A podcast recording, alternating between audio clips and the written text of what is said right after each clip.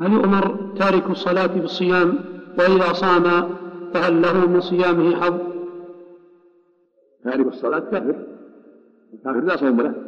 وإن كان يؤخذ بذلك يوم القيامة ويعذب على ذلك فإن الكفار مخاطبون هو الشريعة من جهة العقاب عليها. ولكنها لا يطلب منه في الدنيا إلا إذا دخلوا في الإسلام.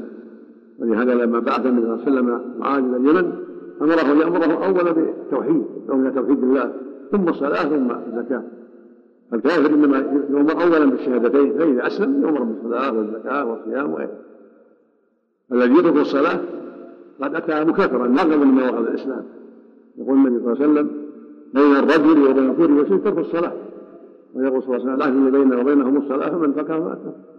ويقول صلى الله عليه وسلم من ترك صلاة العصر حدث عمل فليس له صوم ولا غيره حتى يتوب إلى الله وينيب إليه ويجدد إسلامه بجميع ما وجب عليه. نعم.